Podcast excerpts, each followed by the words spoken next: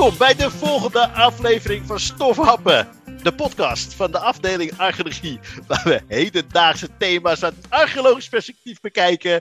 En uh, we hebben dat geïnitieerd vanwege ons 40-jarig jubileum. Want archeologie bestaat 40 jaar in de stad Den Haag. Nou, uh, welkom Mion Ledwaar, uh, Jeroen Verzolingen, Christian Rieven.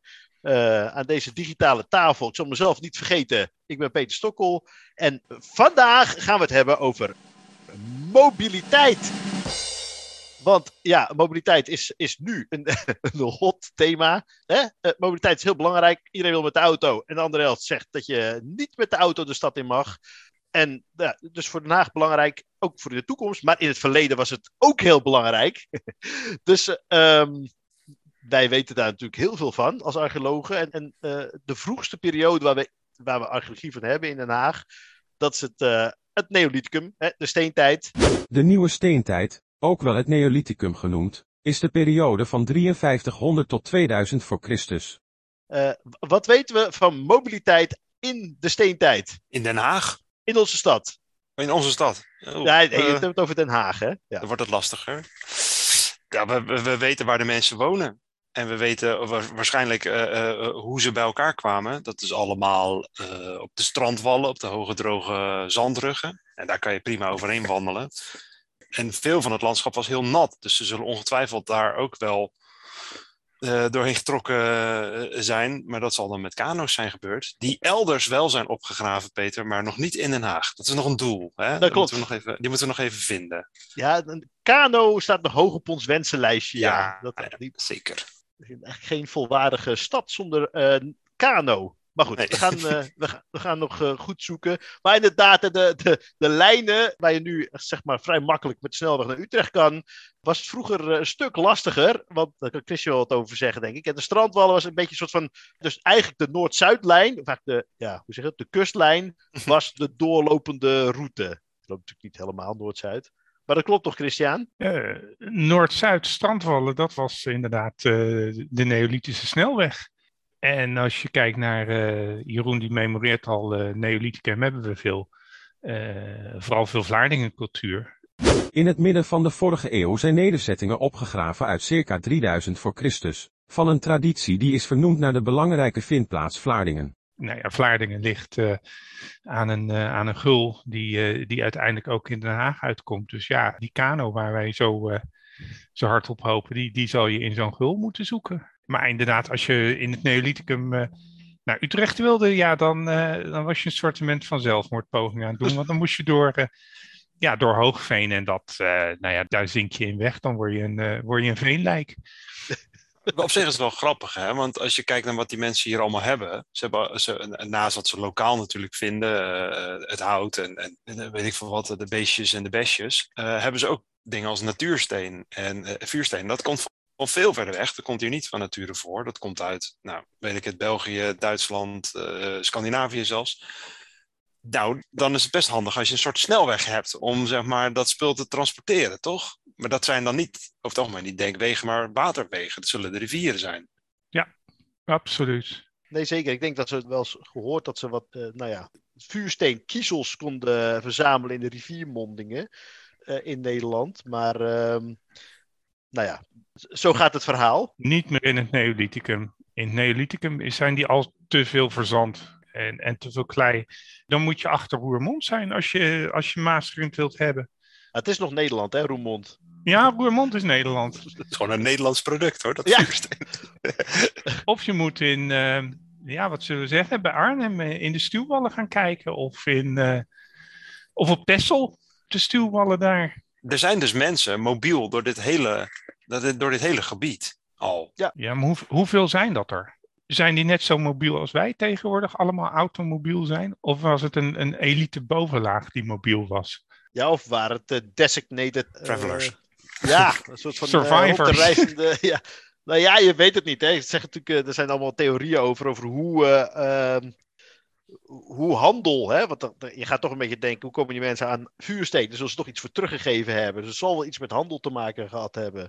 is het dan hè, over lange afstand? Gaat het dan in één keer? Hè? Gaat er gewoon de groep mensen vanuit Den Haag naar de Eifel om, uh, om uh, stenen te halen? Of uh, gaat het stuk voor stuk? Hè? Lopen ze telkens hè? eerst naar Roermond en dan naar, nou zeg het eens, noemen ze een plaats op de route. En dan uiteindelijk, hè, na 10, 20 stappen, belanden ze dan in, het, in, in de stad, in Den Haag. Ja, ik, dat is een goede. Ik, nou, ik denk eerder dat het een soort estafette zal zijn dan dat het echt een. We gaan met z'n allen op vakantie en we komen terug verhaal is. Maar goed, het, ja, hoe gaan we dat ooit aantonen? Behalve aan, aannemen.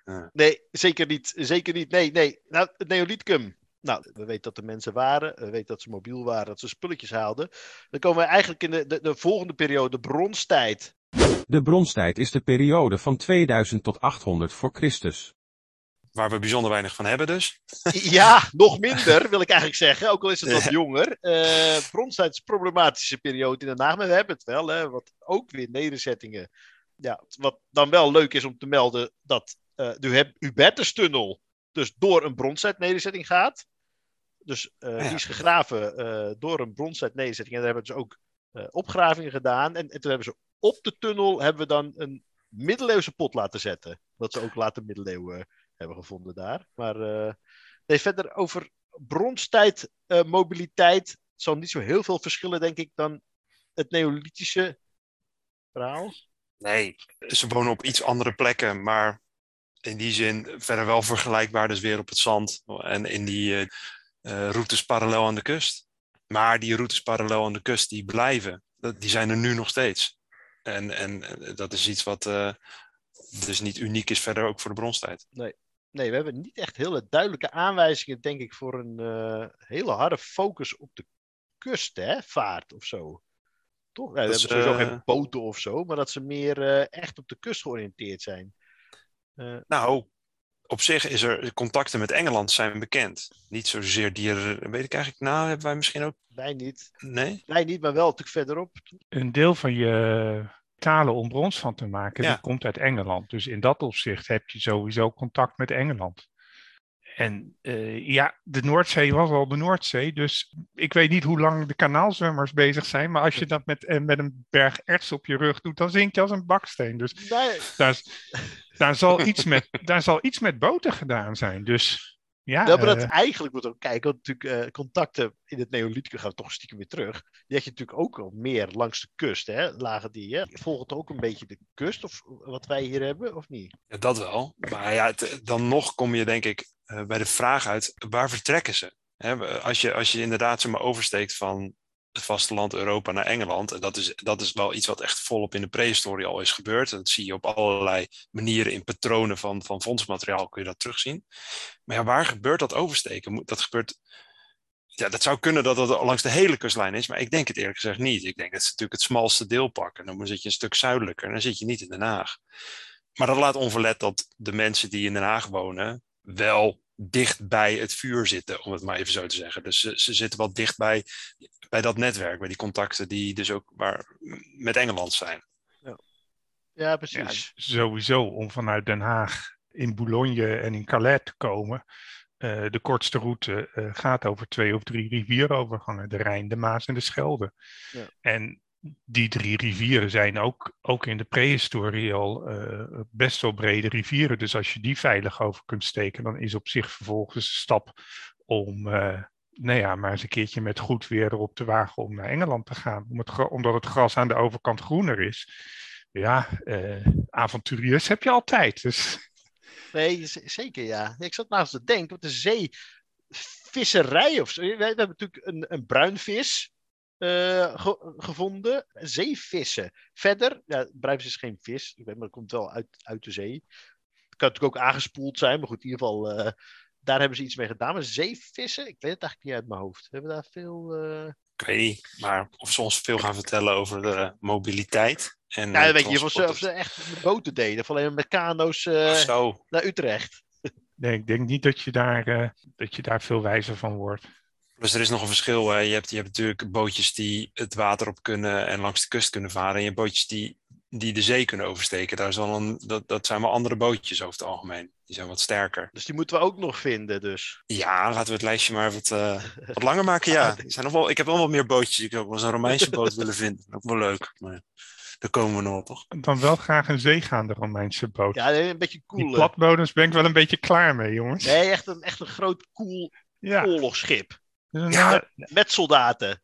Een triremen. Zo heet zo'n ding? Ja, ja, ja. Waar, zou, waar zouden we die kunnen vinden, denk je? Nou ja. Als het in Den Haag lag ergens, wat is de grootste kans om een boot aan te treffen? Een, een Romeinse boot of überhaupt een boot? een Romeinse in de haven. boot, zeg maar. In de Ja, haven. of een kano. Een kano in het veen, dat hebben we al bedacht, toch? Ja, kijk, het- Ja. die, zo'n ding moet aanbewaard zijn gebleven, want het is van Ja. hout. Dus het rot op de, de helft van, eh, van, in- van de stad rot het weg, omdat het zand is. Dus het zal ergens in het veen of in de klei zijn, waar het nat is.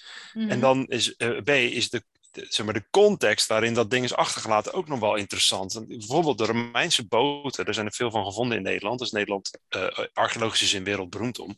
Die dingen zijn bewaard gebleven omdat ze bewust zijn afgezonken langs de rivierbeddingen om, om die te verstevigen. Dus ik denk een beetje een knappe boot wordt gewoon hergebruikt tot in de lengte der dagen en, en, en op een gegeven moment wordt die ontmanteld. Maar als het natuurlijk een afgetrapte boot is, eh worden een paar gaten ingeboord en zinken hem af. Zo is er bijvoorbeeld ook een, een visbun gemaakt van een kano ooit. Dat, je, dat soort dingen. Dus hergebruik van hout, eh, Ja. van, van scheepshout. Zien we, we- er is scheepshout gevonden in Den Haag, hè? Ehm, maar dat is in een vroege middeleeuwse context. Dus ja, dat is misschien eh, gaan we te snel. Ja, oh ja. Heel te snel. Er is vaker scheepshout gevonden. Ja. In, in een nieuwe tijdscontext. Telt die ook nog ja. mee? Ja, dat klopt. Maar we moeten het ook nog hebben. We springen nu. We moeten het ook nog over de ijzertijd hebben. En we hebben het nu over mobiliteit. Hè. We- Nu het is net of we het over eh, eh, zeevaart hebben. Maar in de ijzertijd. Hè, we hebben, na de bronstijd eh, komt de ijzertijd. De ijzertijd is de periode van 800 tot 18 voor Christus. We hebben dan eh, heel veel archeologie in Den Haag. Nou, die zullen vast wel naar naartoe gelopen zijn. Maar wat weten we nog meer van, eh, van mobiliteit in de ijzertijd? Ja, eh, niet zo heel erg veel, toch? Ik bedoel, we hebben natuurlijk weer die eh, verschillende settlements of eh, nederzettingen op verschillende plekken. En er zijn contacten geweest eh, onderling. Maar het is niet alsof we een boot uit de ijzertijd hebben aangetroffen. Nee. of Nee, een maar- snelweg. Maar eh, Niet wel een een- boot, maar wel een takkenpad. dat klopt. Ja. Dat is waar. Daar was je zelf bij. Ja. nou, ik moet eerlijk bekennen, toen we. Een takkenpad klinkt heel super interessant. En dat was het ook. Alleen zo zag het er niet uit.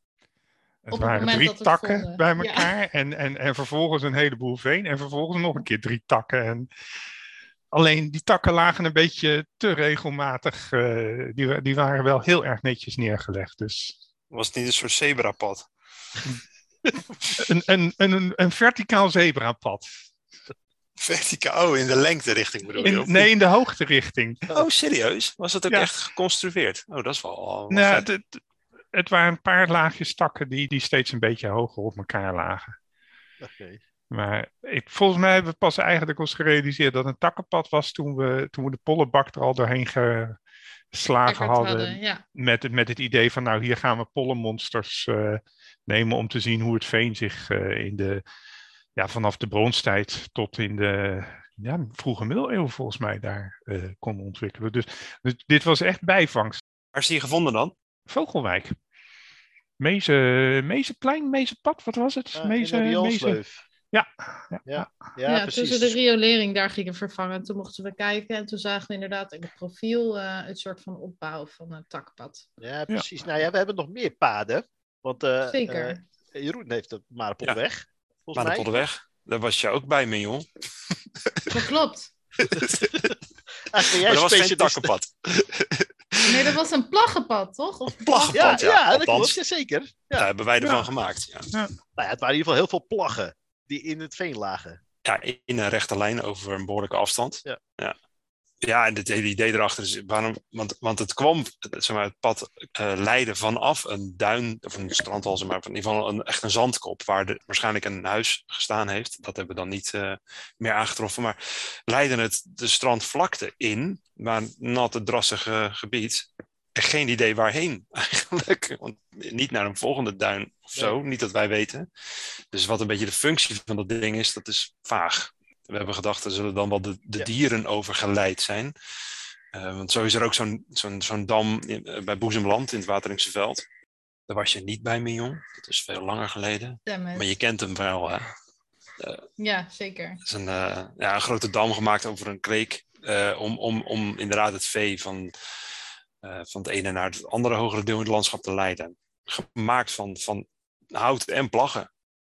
Maar nu hebben we het dus eigenlijk eh, hebben we het dan ja, echt over mobiliteit. Ja, eigenlijk wel. Hè? Ook al is het maar een zeer lokaal eh, stukje dat je aflegt. Het is nog steeds mobiel zijn. Ja, en, en eigenlijk. Of je nou een eh, Rotterdamse baan aanlegt, bijvoorbeeld, of dat je een, een, een takkenpad aanlegt. Je bent toch aan je mobiliteit bezig, zeg ik. eh. Er zat wel koeienpotjes gevonden op die dijk, of niet? Op, die, op dat dammetje. Waren ook Ja. koeienpoten bij, toch? Ja, precies. Heel, eh, dus we weten ook zeker dat er eh, koeien over die, eh, die dam gelopen hebben, ja. Ja, grappig. Ja, en, en op zich, zie je natuurlijk ook de verschillende opgravingen. Ook heb je wel eens aanwijzingen van greppeltjes die twee, drie meter uit elkaar liggen, heel lang doorlopen. En dat, dat die eigenlijk een soort begrenzing vormen van, ja, toch, toch veedrijven, veedriften. Dus in dat opzicht, ja, ook dat soort mobiliteit.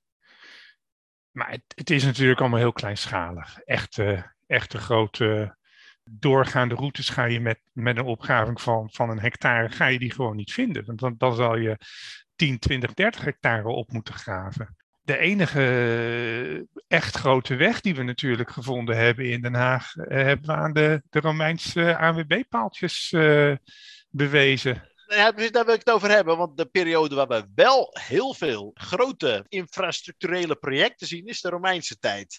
De Romeinse tijd is de periode van 19 voor Christus tot 450 na Christus.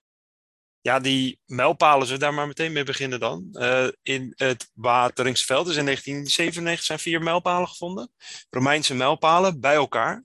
En ehm, nou ja, het zegt het al, Christian zei het net ook al, dat zijn gewoon de ANWB-bordjes in de Romeinse tijd. Dus die dingen staan langs de weg. En daarop kun je lezen hoe ver de afstand is tot een volgende plaats. In dit geval was het vier Romeinse mijlen tot het Forum Hadriani, dat is bij Voorburg. Dat was eh, de districtshoofdstad eh, in de Romeinse tijd. Maar het interessante is vooral, ja, die dingen staan dus blijkbaar langs een weg. Hè? Je hebt in de Romeinse tijd heb je daar een weg. En die weg heeft ook een status, want op zo'n mijlpaal staat niet alleen de afstand, maar ook de naam van de keizer. Dat heeft echt wel een, eh, eh, een status die, die ertoe doet. Eh, en dat is een hoofdweg. En die kun je ook vinden op Romeinse wegenkaarten. Die zijn ook bewaard gebleven, of kopieën daarvan in ieder geval. Dus dat is geen, eh, dat is geen, geen takkenpad meer eh, waar we dan tegenaan kijken. Eh, die Romeinse weg, die lag ook langs nog weer een andere weg natuurlijk. Ja, ja, een waterweg, ja. Ja, het kanaal van Corbulo. Eh, naar de, de veldheer Corbulo, die hem aan, of in ieder geval heeft laten aanleggen eh, in, in de eerste eeuw na Christus. En die, zo op het moment dat, dat de Romeinse weg wordt eh, aangelegd, is, bestaat het kanaal al 100 jaar. Dus dat, dat is op zich wel een interessant gegeven. Dat betekent dat een vaarroute eigenlijk belangrijker was, al eerder. Eh, al eerder aangelegd. En, en die vaarroute gaat ook naar de, die Romeinse hoofdstad. Dus logistiek van gigantisch eh, eh, belang waarschijnlijk voor het Romeinse leger. De vraag is of dat ding ook gebruikt werd door de lokale bewoners met kano's. Geen idee. Dat, ja. Of het, of het past of niet. Nee, precies. Maar transport over water, zeker voor eh, grote hoeveelheden eh zooi, dan wel troepen, eh, is, het, eh, is het makkelijker in de boot dan over land. eh, zeker in ons contrij, eh, ja, zeker. Ja, en ik denk ook op lokaal niveau wel hoor. Want kijk, het kanaal is natuurlijk groot, breed, recht toe recht aan. Nou ja, het ging niet, eigenlijk niet echt recht toe recht aan. Het was meer een soort kleine kanaaltjes die bestaande waterlopen verbonden. Maar, eh, en zo'n hoofdweg, nou, is natuurlijk een groot, groot ding. Maar je hebt natuurlijk een heel netwerk daaromheen van kleinere, secundaire routes. Eh, Het kunnen nog steeds paden zijn, kunnen ook slootjes zijn waar mensen met een smalle kano doorheen eh, konden bewegen. We hebben toch op de Rotterdamse baan, hè, hebben we eh, de, de Romeinse vindplaats Rotterdamse baan. Nou, dan zit je niet, zit je wel op enige afstand van dat kanaal. Maar ook daar bijvoorbeeld de Romeinse bootshaak. Dus het geeft me aan dat, dat men ook daar bezig was met dat water eh, als, als, als, als vervoers eh, eh, Ja. als, als route, zeg maar. Nee, inderdaad. Van de Romeinse mijlpalen. Romeinse weg zelf. die hebben wel al aangetroffen natuurlijk, daarnaast. De Mm, echte ja, wegdekje. Wat we ervan aan. De Romeinse wegen die worden volgens een standaard principe aangelegd in heel het Romeinse Rijk. Eh, eh, dat, dat, is gewoon echt, dat kom je weer bij, de, bij die ingenieurs van het Romeinse leger uit. Ehm, maar ze worden in ons gebied vooral ook zo aangelegd dat het praktisch is en, en, en goed, voor de, eh, goed binnen zeg maar, het, landschap. En dat betekent dat we, ja, het is een relatief nat landschap waar die doorheen loopt. Dus hij zal wat verhoogd zijn. Er zullen plaggen zijn geweest weer. En aan weerszijden van, van dat dijklichaam eigenlijk heb je slootjes om het, om het allemaal af te wateren. Dat is een redelijk herkenbaar beeld. Maar of daar dan een verharding op lag, dus echt met dikke platen natuursteen, nou dat niet.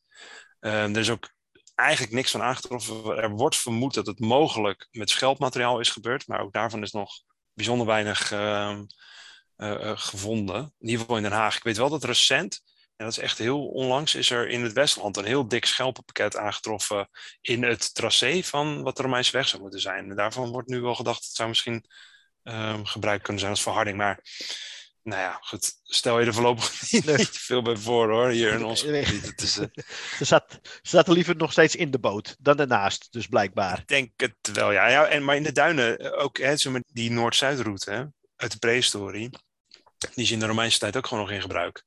Eh, of Noord-Zuidroutes, dan zullen er meerdere zijn geweest. Ja. En eh, ja, daar, daar vinden we niks van. Want ja, als je in het duingebied een weg aanlegt, dat, eh, hooguit verstuift die. Maar je hoeft hem niet te funderen, je hoeft hem niet op te hogen, je hoeft hem niet te, draineren. Het- Zo'n pad is er en dat blijft er. Ja. Zeker als je er gebruik van maakt. Dus wat we dan wel, ja, we hebben vindplaatsen in de duinen. En als je daar een stippellijn tussen trekt, dan kan dat ongeveer de route zijn. Ja, precies. Ja, ja. beetje- Nee, ja. Dus het- theoretisch hebben we een heel wegennet in ons hoofd. Helaas Ja. hebben we hem nog niet keihard vast kunnen stellen, eh, zeg maar. Maar goed, ja, ze moesten wel van A naar B komen. Dus dat er routes waren, eh, ja, dat, is, dat staat buiten kijf. Maar ehm, ja, ja, eh, dat was ze nog niet. Ja, we hebben ze alleen nog niet gevonden. Dus die kan ook weer op de hoop met de kano's. Even een volwaardige Romeinse weg. Met een mooi eh, wegdek. Een paar eh Zeker. dode Romeinen in de berm. En dan eh, zijn we er weer. Eh, En een mooie Romeinse boot in, de, in het water. Hé, maar even voor de serieusheid, hè? Ik bedoel, voor de, voor de duidelijkheid. Eh, zo'n boot, hè? Zo'n Romeinse boot. Of kanaal van Corbulo. Hoe werd dat dan voortbewogen? Want werd het dan met, met afgezet op de bodem? Of werd het, was het een trekvaart? Of hoe zat dat dan? Nou, vooral, de, er is een jaagpad. En de, weg wordt wel gezien als een jaagpad. Eh, ze zullen ook, eh, hoe- ja, hoe noem je dat? Met zo'n, eh, eh, dat je met een paal eh voortduwt. bomen. Bomen, ja, dat was het. En er zijn ook wel mensen die zeggen, ja, dat kanaal is veel te smal. Je kunt daar niet eh, slingerend doorheen. Dus je kunt niet zeilend. Maar Ja, ja, precies. één kant op misschien wel, maar de andere kant op dan weer niet. Eh, dus nee, het, het is een heel eh, gedoe, denk ik nog hoor.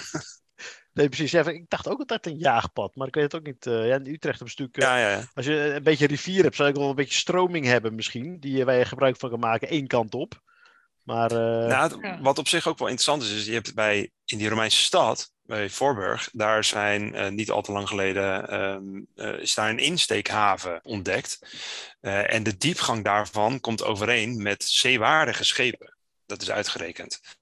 En die platbodems die in Nederland worden gevonden langs de Rijn, en waarvan wij er dus ook eentje hopen te gaan aantreffen, eh, die dingen zijn helemaal niet eh, zeewaardig. Die zijn niet diep genoeg en die gaan ook, omdat ze zo lang en plat zijn, gaan ze eh, als, een- als een soort wokkel gaan ze torderen op het moment dat ze de zee opgaan. Dus eh, er is waarschijnlijk daar bij het Forum Adriani, eh, bij de Romeinse stad, is dus een soort overslagpunt. eh, waar de zeewaardige schepen nog kunnen komen. En misschien wel voortgaan eh, noordelijke richting of waar dan ook op, op ondiepere, plattere eh, schepen. Dan even kijken of het hele, is het hele kanaal geschikt voor, eh, voor wat ik bedoel, ik heb het kanaal van Corbulo een paar keer gezien, of de, de andere kant op, vanuit de Maasmond. Ja, Ja, vanuit Monster.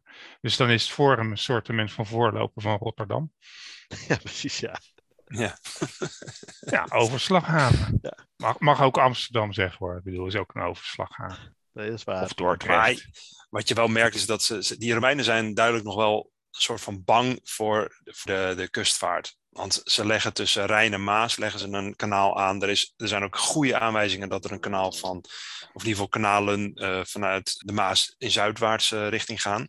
Dus ze doen er van alles aan om, om binnen gaats te blijven. En dat verandert echt volledig als je in de vroege middeleeuwen aankomt. Want dan Inderdaad. krijg je, er is sprake van een Noordzeecultuur. Nee, nee, zeker. Nee, het is goed eh, dat je het zegt, want we moeten ook een beetje op de tijd letten. En bruggetjes bouwen. En bruggetjes bouwen, ja. Daar wil mijn jongen heel graag over praten. Maar de vroege middeleeuwen, ja, dat, ja, een periode die- waar we ook toch wel wat aardig wat van hebben gevonden in Den Haag. Niet mega veel. De vroege middeleeuwen is de periode van 450 tot 1050 na Christus. Maar het meest spectaculaire uit die periode is dat eh, bootgraf, denk ik. Ja. Nou, het is niet een bootgraf, het is een bootvormig. Ja, oké, lag, dan- de splitpennen lagen er nog, zeg maar. Weet je, die, eh, die, Klink, klinknagels, Klink- Peter. Splitpen is voor, een voor, voor poppen. Als je als kind aan het spelen bent.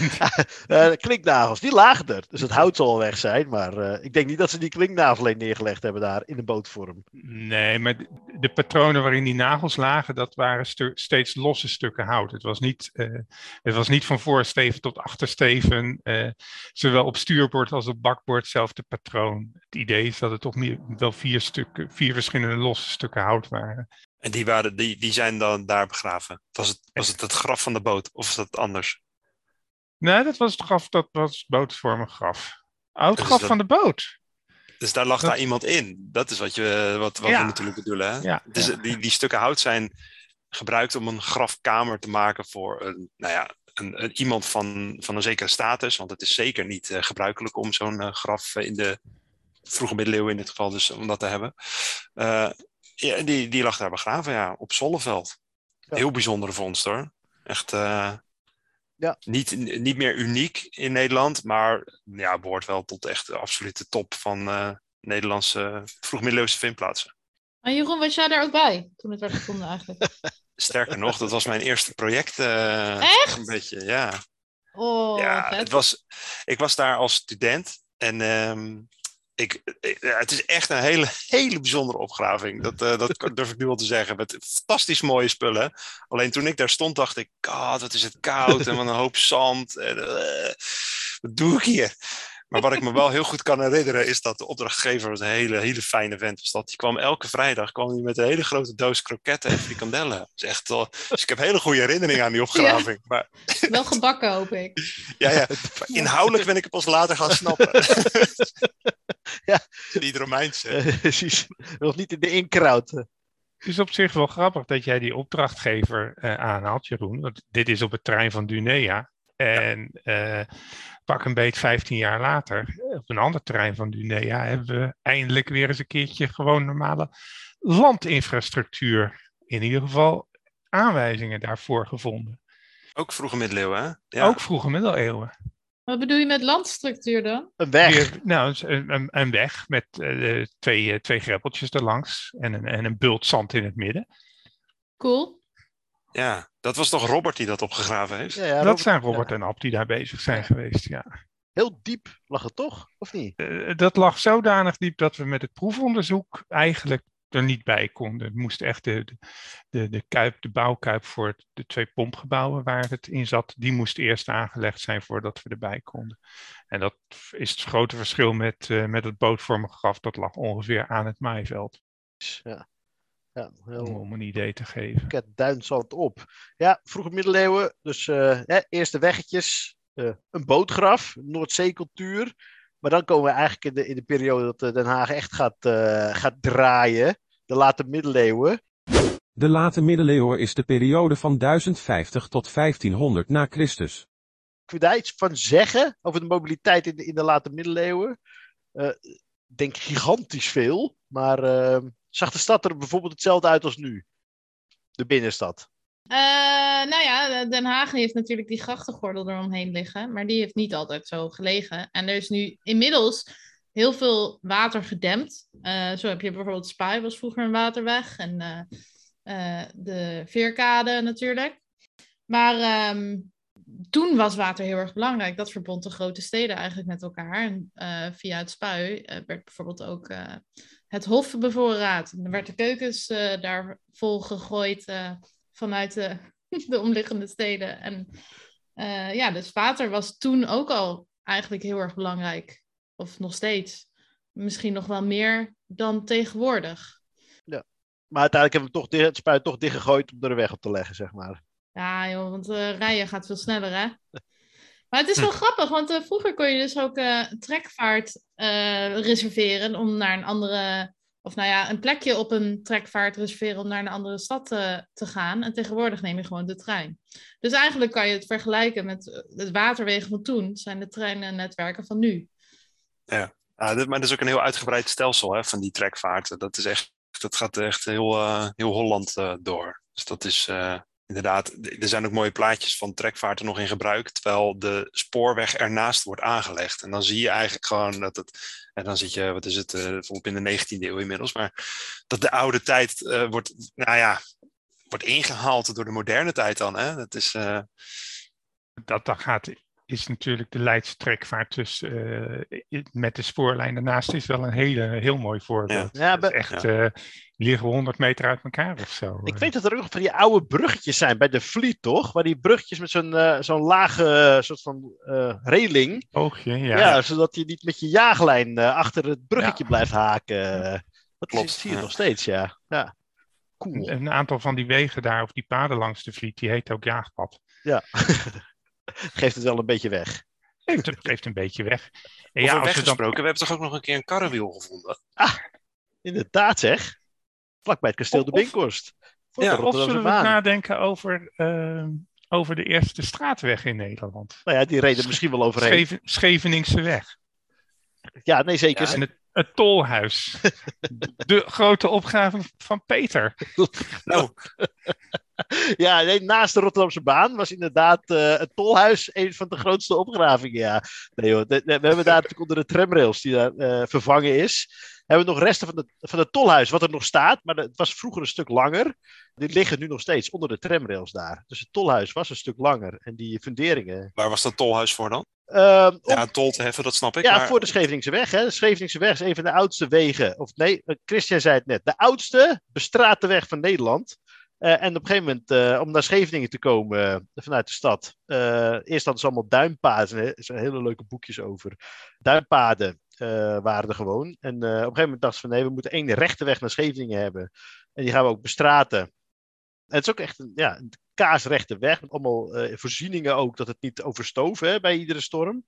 Dus een enorme onderneming geweest, maar eh, het ja, ligt er nog steeds. Weet je wat nou grappig is? Dat de Scheveningse weg, die route van west naar, nou ja, zo, van west naar oost ongeveer. eh, dat is ook de vermeende route van een Romeinse weg. Er zijn opgravingen gedaan in, eh, in de jaren 80 aan de Scheveningse weg. Ja, op basis daarvan wordt dit al, al jaren aangenomen, maar het is nog nooit aangetoond. Dat is al, eh, Uh, we, we hebben er wel op gelet toen we daar bezig waren natuurlijk, om te kijken of we nog iets Ja. vonden. Maar we hebben wel Romeins gevonden hè, daar. Maar goed, dat is vrij lastig om dat niet te doen, zullen we zeggen. Maar om er echt iets, iets fatsoenlijks van te maken, dat is echt niet te doen.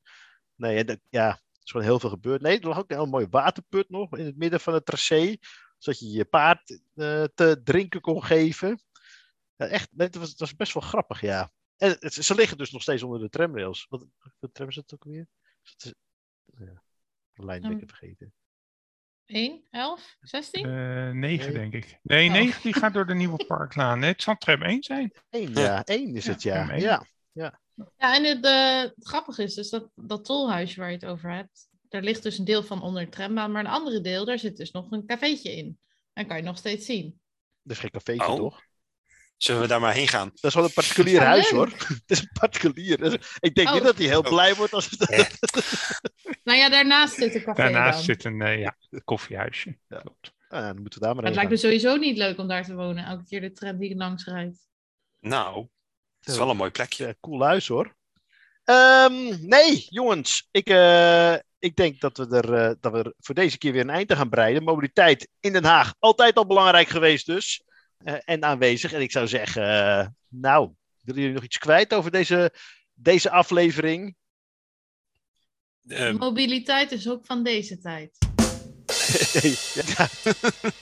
Ja. Moet je, dan moet je zeggen, mobiliteit is niet alleen van deze tijd. Dat is dan beter. Oh, maar ook van vroeger en de toekomst. met, met deze uitsmijter kunnen we zeggen. Dank je voor het luisteren naar deze eh, fantastische aflevering van Stofhappen. En op naar de volgende. Dag. Yay! dag allemaal. Dankjewel. Dag Peter. Tot de volgende keer.